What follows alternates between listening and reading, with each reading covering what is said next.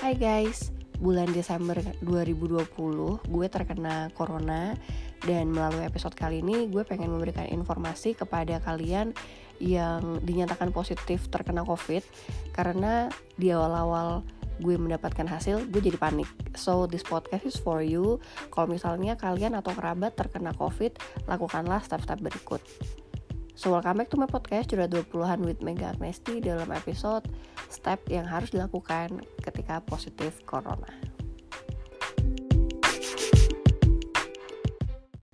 Gue melakukan swab PCR atas inisiatif sendiri karena selama 3-4 hari tuh gue merasakan demam. Nah, gue kan anaknya jarang sakit nih makanya begitu gue demam dan ada rasa gelisah setiap kali jam 2 jam 3 gitu gue datanglah ke lokasi untuk swab PCR yang drive thru. Jadi satu kali 24 jam hasilnya akan langsung dikirim melalui WhatsApp kita. Tapi jeleknya dari drive thru itu kita tidak mendapatkan konsultasi dokter kalau kita mendapatkan hasil positif. Jadi ketika H plus 1 hasilnya keluar dan gue dinyatakan positif, gue WhatsApp ke nomor itu apa yang harus saya lakukan, tidak ada jawaban dan walaupun ya gue udah sering mendengar orang terkena corona uh, sudah sering baca berita tapi ketika gue mengalami itu sendiri gue nggak tahu apa yang harus gue lakukan. Uh, sedih marah kecewa bersalah semuanya jadi satu sehingga uh, waktu itu gue lagi di kantor menerima hasilnya. Yang gue lakukan satu-satunya adalah segera keluar dari kantor gue di rumah untuk mengurung diri. That's the only thing yang bisa gue lakukan pas sampai rumah barulah gue kepikiran apa yang harus gue lakukan. Yang pertama adalah konsultasi dengan dokter karena I don't know what should I do kan. Maka yang lebih paham apakah lo butuh obat atau butuh apa pun itu adalah dokter yang gue lakukan pertama kali waktu itu langsung menghubungi Halodoc karena gue takut kalau gue ke rumah sakit, ke vaskes, gue malah akan menularkan virus ini ke orang-orang. Maka gue memilih online consultation via Halodoc untuk bertanya apa yang harus gue lakukan setelahnya. Gue cerita ke dokter tersebut gejala yang gue alami, cuma demam aja nggak ada masalah sama indera penciuman ataupun kayak mual muntah gitu nggak ada sama sekali bener-bener cuma demam dan atas saran dokter gue beli vitamin yang dijual di Halodoc uh, namanya paket Halofit yang berisi vitamin C, vitamin E dan zinc yang kedua, ketika gue udah berhasil mendapatkan vitamin dari dokter, tentu saja gue membeli obat tersebut. Tapi ternyata di Halodoc itu agak susah ketika resep online langsung gue klik beli. Akhirnya gue cari di aplikasi Halodoc juga, tapi gue langsung klik Halofit. Uh, terus gue pilih yang paket sesuai yang dokternya anjurkan. Nama paketnya adalah antisipasi corona atau paket corona prevention gitu kalau nggak salah nah itu tuh paketnya ada yang tujuh hari ada yang 14 hari gue pilih 14 hari karena kan informasi awal bahwa kita harus memperbaiki um, apa ya meningkatkan multivitamin itu mengkonsumsi vitamin itu selama 14 hari kan? Maka gue pilih yang 14 hari. Harganya cukup terjangkau uh, yang tujuh hari itu 49.000 jadi ketika kita beli yang 14 hari tinggal dikali dua aja. Sebenarnya ketika gue sudah mendapatkan obat dari Halodoc itu gue masih mempertimbangkan yang lainnya sih. Karena gue suka lihat di IG story orang kalau dia kena corona obatnya kan banyak banget ya. Sementara yang Halodoc tuh compact banget. Sehingga gue sempat nanya ke teman-teman yang sudah pernah mengalami corona dan jawabannya tuh kan beda-beda ya mereka. Akhirnya gue telepon ke call centernya COVID-19 di nomor 119. Nah, mungkin gue lagi dapat petugas yang kurang informatif ya karena ketika gue cerita gue positif covid gue nanya multivitamin apa itu nggak mendapatkan jawaban yang clear. Yang ada malah gue dibilang jangan panik uh, isolasi mandiri minum vitamin uh, udah harus tahu kontak-kontak orang yang di save ketika nanti misalnya tiba-tiba tengah malam gue sesak napas. Pada tahap ini gue masih belum sadar bahwa akan ada serangan-serangan sesak napas di tengah malam. Yang ada gue malah makin parno ketika gue mendapatkan informasi itu dari petugas di 119. Dan yang terakhir ketika gue kembali ke pertanyaan awal vitamin apa yang harus gue konsumsi if I'm not mistaken gue nggak mendapatkan jawaban yang pasti sehingga akhirnya gue coba cari-cari di Google cuman jawabannya juga variatif nah barulah di situ gue inisiatif untuk bertanya ke dokter kantor tapi itu akan gue lakukan setelah proses lainnya selesai. Jadi ketika akhirnya gue menyelesaikan konsultasi dengan nomor 119, gue move ke langkah selanjutnya. Langkah ketiga, karena gue tahu gue akan menghadapi masalah ini sendiri, karena akan sangat beresiko kan kalau gue ngajakin orang untuk ke dokter bareng gue dan lain-lain. So, I know from the very beginning, gue akan menghadapi situasi ini bener-bener sendirian. Jadi gue harus tahu kalau keadaan gue makin parah apa yang gue lakukan dan siapa yang akan menanggung biaya-biayanya. Apakah pemerintah atau memang diri kita sendiri. Waktu itu sih gue masih belum tahu ya kalau ternyata pemerintah menanggung keseluruhannya. Maksudnya nggak tahu flownya akan seperti apa gitu kan.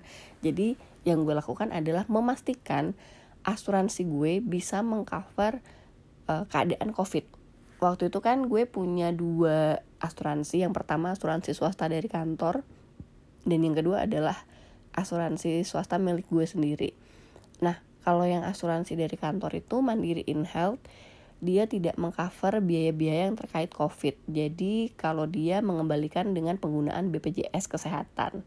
Sementara untuk asuransi gue pribadi adalah Prudential. Gue telepon ke call center, penjelasannya sangat clear. Dan kalau misalnya gue terkena covid mereka akan me mengcover semua biayanya. Dan gue tanya rumah sakit rujukannya di mana? Untuk di area Jakarta Selatan. Gue pernah uh, browsing ada di Siloam dan dia confirm di Siloam bisa pokoknya di Siloam Group sama waktu itu kalau nggak salah ada chain besar rumah sakit lain. Cuman karena yang di otak gue paling deket paling gampang itu adalah Siloam Semanggi maka gue tahu gue akan ke situ. Dan sebelum sebelumnya gue pernah dari riwayat untuk bikin appointment sama dokter di Semanggi kan. Jadi gue lebih familiar lah dengan rumah sakit tersebut. Dan gue nanya kepada petugas asuransi apa yang gue lakukan ketika gue harus berobat di rumah sakit tersebut karena positif covid. Dan dia ngasih tahu alurnya tinggal datang aja kartu taruh di pendaftaran dan semuanya clear. So I'm so thankful gue punya asuransi kesehatan yang bisa mengcover seperti itu karena ternyata enggak semua asuransi kesehatan memberikan fasilitas tersebut. Walaupun kalau ngomongin prudensial ada syarat dan ketentuan, misalnya kayak dia minta uh, kita harus dua kali swab PCR yang menunjukkan hasil positif baru akan ada coverage dari mereka. Yang keempat, gue paralel menghubungi teman-teman gue yang kontak sama gue selama tujuh hari terakhir. Ini masih temen deket ya, belum yang lain-lain. Gue kasih tahu ke mereka, gue positif covid, so please kalian get a proper test juga. Gue takut gue menularkan kepada kalian karena memang perut gue hal yang paling berat dari menderita penyakit covid adalah rasa bersalah karena takut nularin ke orang lain. Itulah yang gue rasakan. Sehingga gue tracing ke teman-teman gue yang terakhir kali ketemu gue selama tujuh hari ke belakang dan minta mereka semuanya untuk tes. Anyway kenapa kita harus transparan dan juga open kepada orang-orang yang kita temui selama tujuh hari terakhir hal itu supaya dapat memutus rantai penyebaran covid di antara mereka. Misalnya nih gue ketemu sama A waktu kemarin gue covid. A ini tinggalnya sama orang tua. Akan lebih baik untuk A tahu dia positif atau enggak dan melakukan si PCR itu karena kalau misalnya dia pulang ke rumah dia bisa jadi bawa virus untuk kedua orang tuanya ya kan? Makanya penting banget menginformasikan bahwa kalian terkena covid kepada tujuh orang yang sorry kepada orang yang tujuh hari ke belakang kontak sama kalian. Prinsip openness ini harus banget kalian lakukan guys supaya ada pemutusan rantai penularan. Dan setelah dua hari kemudian gue dapat info dari teman-teman yang tujuh hari kemarin sama gue hasilnya negatif semuanya. Nah di satu sisi gue juga menginformasikan ke support sistem terbaik gue ada satu grup pertemanan gue yang paling dekat dari zaman kuliah. Hmm, gue bilang ke mereka gue positif covid dan dengan sendirinya mereka udah mempersiapkan banyak hal kepada gue. Ada yang ngirimin termometer sama oksi oximeter kemudian ada yang inisiatif untuk beliin gue sarapan selama gue di isolasi kemudian ada yang inisiatif ngirim uh, buah-buahan. Jadi gue sangat terbantu sekali sih dengan satu grup ini karena segala keperluan gue dibantu urus sama mereka. Sehingga yang perlu gue lakukan adalah just do um, the protocol. Jadi kayak gue harus kasih tahu ke semua orang dan lain-lain itu yang gue lakukan. Jadi stengat banget gue punya support system seperti itu dan kalau misalnya kalian anak kos ya uh, perlu banget kalian punya support system seperti ini supaya kalau kalian mengalami apa yang gue alami positif covid sendirian di Jakarta uh, kalian tahu siapa yang bisa membantu kalian dalam arrange semua perintilan-perintilan terkait kebutuhan kalian selama isolasi mandiri.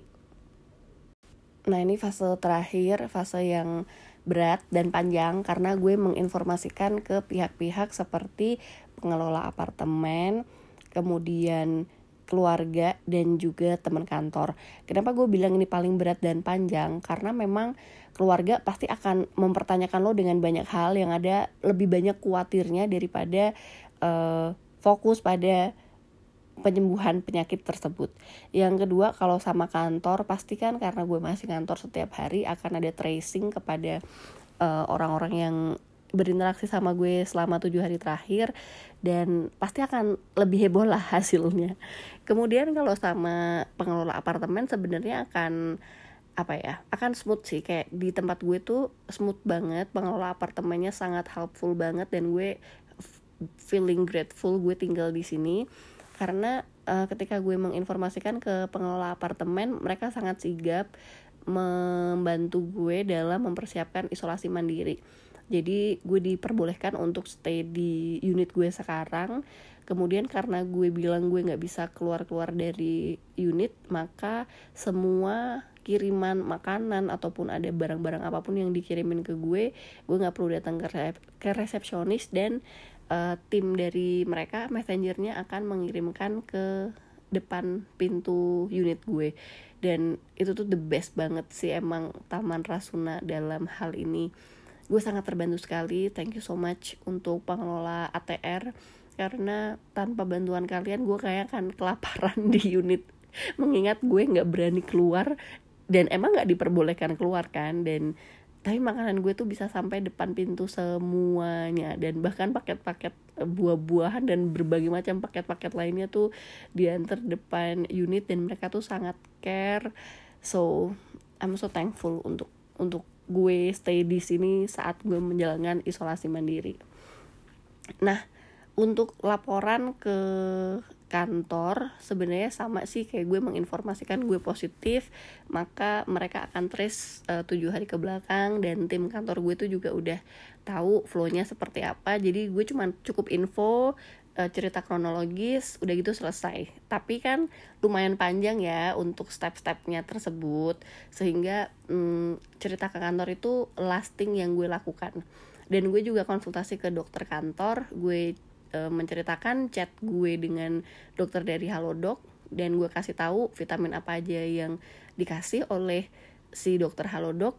E, kemudian dokter kantor gue tuh menambahkan satu vitamin yaitu vitamin D yang UI-nya tuh 5000 mili atau 1000 mili gitu gue lupa. Gue nggak lihat nih vitaminnya ada di depan soalnya. Saya ingat gue kayaknya 5000 mili deh bukan yang 1000 mili. Dan gue dibekalin dengan resep untuk obat. Kalau misalnya gue flu tiba-tiba atau batuk gitu ya namanya oseltamivir gue dapat itu di Tokopedia. Dan yang sedang gue konsumsi kemarin karena gue mah maka gue masih minum lansoprazole. Jadi rekap untuk obat gue adalah yang pertama vitamin dari Halodoc itu berisi vitamin C, vitamin E dan zinc kemudian ada vitamin D 5000 uh, UI UI-nya tuh 5000 sorry. Kemudian uh, ditambah obat-obatan sesuai dengan penyakit gue saat itu. Gue ada mah maka minum lansoprazol dan uh, karena takutnya nanti akan ada flu maka gue dibekali dengan oseltamivir yang terakhir karena gue report keluarga ya of course gue harus siap sedia mengangkat telepon dari bonyok gue setiap jam. Gue pikir nyokap gue yang akan histeris gitu. Ternyata kali ini bokap gue karena bokap tuh ngerasa kesian banget anak gue cewek sendirian di Jakarta uh, pas sakit orang tuanya nggak bisa berbuat apa apa karena nggak bisa ketemu dan gue juga nggak bisa pulang gitu kan. So bokap gue selama 10 hari intens banget nelfon gue. Bokap tuh biasa teleponnya weekly Nah kali ini gue ditelepon setiap hari Bahkan dalam satu hari bisa telepon tiga kali, lima kali, enam kali. Dan gue tuh bilang sama bokap Dad I'm, I'm okay. Teman-teman aku udah take care aku So jangan kepikiran ya karena beliau tuh jadi susah tidur gara-gara gue kena covid. Kayak takutnya tuh gue yang gejalanya parah dan gue bilang ke bokap gejala aku ringan jadi nggak perlu khawatir. Karena kalau gejalanya berat udah pasti aku dirujuknya ke rumah sakit bukan isolasi mandiri. Nah buat teman-teman yang orang tuanya juga panikan eh, bisa dijelaskan bahwa gejala ini tuh kalau misalnya kayak cuma demam doang atau misalnya indera hilang indera penciumannya itu adalah gejala ringan dan uh, obatnya adalah ya dengan minum multivitamin yang banyak sesuai dengan arahan dokter. Jadi rekap dari hari pertama gue terkena COVID adalah satu lo harus konsultasi sama dokter untuk mendapatkan multivitamin ataupun obat yang sesuai dengan kebutuhan lo. Obatnya adalah vitamin C, vitamin D, vitamin E, dan zinc. Namun karena gue panik kemarin gue juga beli Propelix dan madu clover dari HDI. Yang kedua, beli obat-obat yang dibutuhkan saat itu juga. Kalau bisa langsung hari itu juga lo mendapatkan multivitaminnya dan lo langsung minum hari itu juga. Gue bersyukur gue hari pertama terkena covid, Halo Fit itu masih bisa dipesan dengan mudah dari Gojek sehingga malam itu juga gue langsung minum vitamin pertama gue teman-teman gue yang sekarang terkena covid ini bulan Januari itu Halofit lagi kehabisan mulu di apotik jadi belinya di Tokopedia dan itu harus menunggu H plus 1 itu pun juga belinya harus sebelum jam 9 pagi. So um, buat teman-teman nomor 2 pokoknya harus bisa mendapatkan vitamin sesegera mungkin. Yang ketiga karena kalian akan menghadapi ini sendiri kalian harus tahu alur kalau kalian tiba-tiba terkena gejalanya yang lebih berat lagi. Jadi uh, pastiin kalian tahu rumah sakit yang dituju di mana pastikan kalian tahu uh, pembiayaannya seperti apa. Sebenarnya kalau kalian terkena covid semua pembiayaan dari pemerintah. Uh, cuman akan lebih baik kalau misalnya ada backup dari asuransi swasta supaya kalau misalnya ada hal-hal yang nggak di cover oleh pemerintah kalian bisa menggunakan asuransi tersebut. Yang keempat, uh, hubungilah pihak-pihak terkait yang ketemu lo tujuh hari ke belakang serta milikilah support system satu grup aja yang bisa membantu lo mempersiapkan keperluan untuk isolasi mandiri uh, seperti teman-teman yang paling dekat yang ada dalam circle lo. Kemudian yang kelima barulah lapor ke pihak-pihak lainnya seperti pengelola apartemen atau kalau misalnya kalian tinggal di kampung atau kompleks ya of course kasih tahu ke pengurus RT, pengurus RW, kelurahan karena nantinya itu akan ada hal-hal terkait dengan pelaporan ke puskesmas.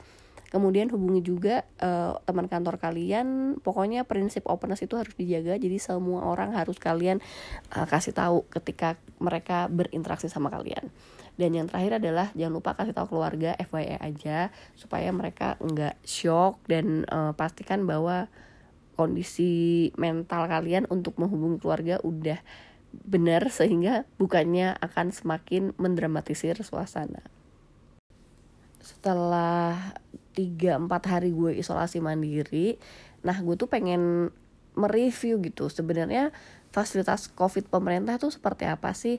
Makanya gue menelpon lagi 119 dan bertanya kepada mereka kalau gue positif covid apa yang harus gue lakukan? Untuk isolasi seperti apa sih nah kemudian gue malah disuruh lapor satgas covid yang ada di area gue. Sehingga gue dikasih nomor telepon puskesmas kecamatan oleh petugas di 119 dan akhirnya gue telepon lah ke petugas satgas petugas satgas kan? Ke satgas covid yang ada di kecamatan gue. Kebetulan gue kecamatannya Budi jadi gue telepon gue menginformasikan kepada mereka kalau gue terkena covid apa yang harus gue lakukan nah gue dikasih nomor WhatsApp deh tuh sama petugas puskesmasnya. Setelah gue dikasih nomor WhatsApp gue kirimin lah uh, pelaporan gue lagi menginformasikan bahwa gue terkena covid dilampiri dengan surat hasil tes. Nah kemudian uh, petugas dari puskesmas ini memprosesnya di forward lah kepada PIC yang mengatur untuk rujukan ke fasilitas pemerintah. Dan itu semuanya berlangsung satu kali 24 jam. Dalam satu kali 24 jam itu gue uh, diinterview oleh petugas kemudian sama mereka gue ternyata harus dirujuk ke Wisma Atlet karena waktu itu city value gue tuh rendah banget sekitar angka 14 17 dan 19 kali ya. Pokoknya city gue rendah banget. Yang artinya gue gampang menularkan ke orang lain. Makanya gue harus diisolasi bukan di unit yang gue sekarang tempati. Mereka takut kalau gue dapat menularkan kepada tetangga ataupun kepada lingkungan sekitar karena memang salah satu hal yang paling sulit saat kita mengalami covid dan isolasi mandiri di rumah ya itu adalah pengelolaan sampah. Jadi sampahnya itu harus dibungkus secara rapi uh, kalau bisa kalau perlu juga dilakban supaya enggak uh, nyebar keluar-keluar gitu loh udaranya dari sampah tersebut. Maka mereka satgas covidnya bertanya kepada gue apakah gue mau dirujuk ke wisma atlet? Gue bilang e, kenapa harus di wisma atlet? Kan gue di sini bisa gitu loh. Karena setahu gue wisma atlet itu adalah satu unit apartemen dengan dua kamar dan ada satu kamar yang sharing. Jadi gue merasa keadaan gue di sini dengan satu apartemen dua bedroom gue dan gue tinggal sendirian gue ngerasa uh, tempat gue tuh jauh lebih aman untuk isolasi gitu loh. Cuman mereka bilang uh, bahwa gue harus dirujuk di fasilitas pemerintah supaya gue tidak menulari tetangga dan Perda Jakarta juga mengharuskan hal tersebut juga sehingga akhirnya ketika mereka menawarkan opsi untuk rujukan di hotel gue menyetujuinya bukan karena hotelnya ya tapi karena gue nggak harus sharing kamar dengan orang lain itulah yang membuat gue apa ya mau akhirnya untuk dievakuasi oleh Satgas Covid ke hotel tersebut.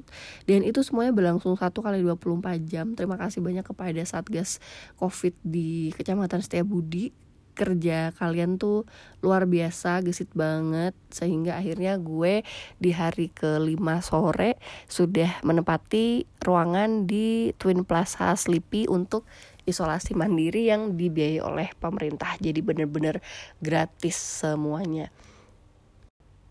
Kemarin gue sempat share di Instagram waktu gue lagi dievakuasi ke Twin Plaza. Dan akhirnya banyak pertanyaan yang masuk ke DM Instagram maupun ke WhatsApp bagaimana caranya gue bisa mendapatkan uh, rujukan ke hotel tersebut.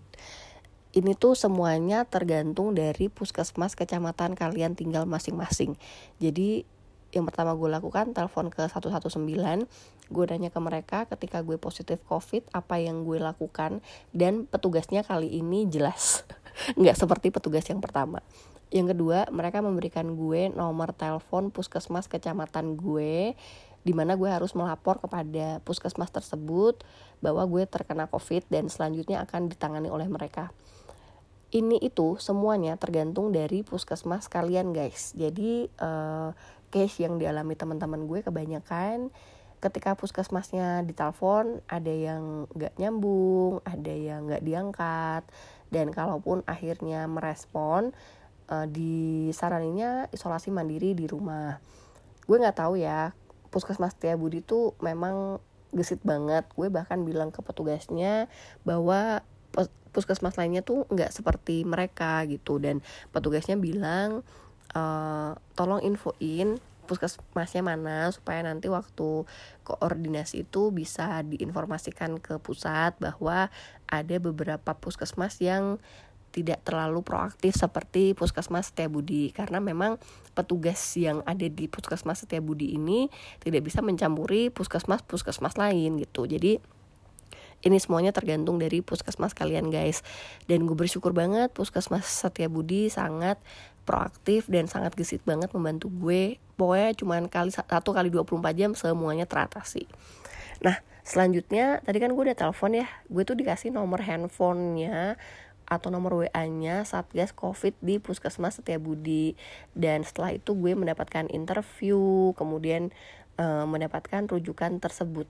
Jadi sebenarnya langkahnya kalau ditanya seperti apa hubungin puskesmas kecamatan kalian dan tunggu instruksi selanjutnya dari dia. Karena gue nggak pernah minta uh, dirujuk ke wisma maupun ke hotel. Tapi semua authority itu dari petugas di puskesmas terkait.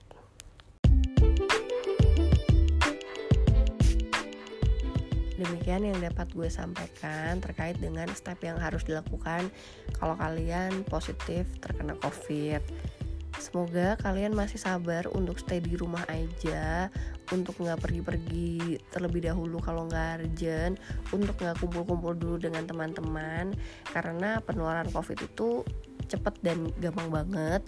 Gue ketularan karena gue lagi makan bareng temen yang later on ternyata dia positif COVID.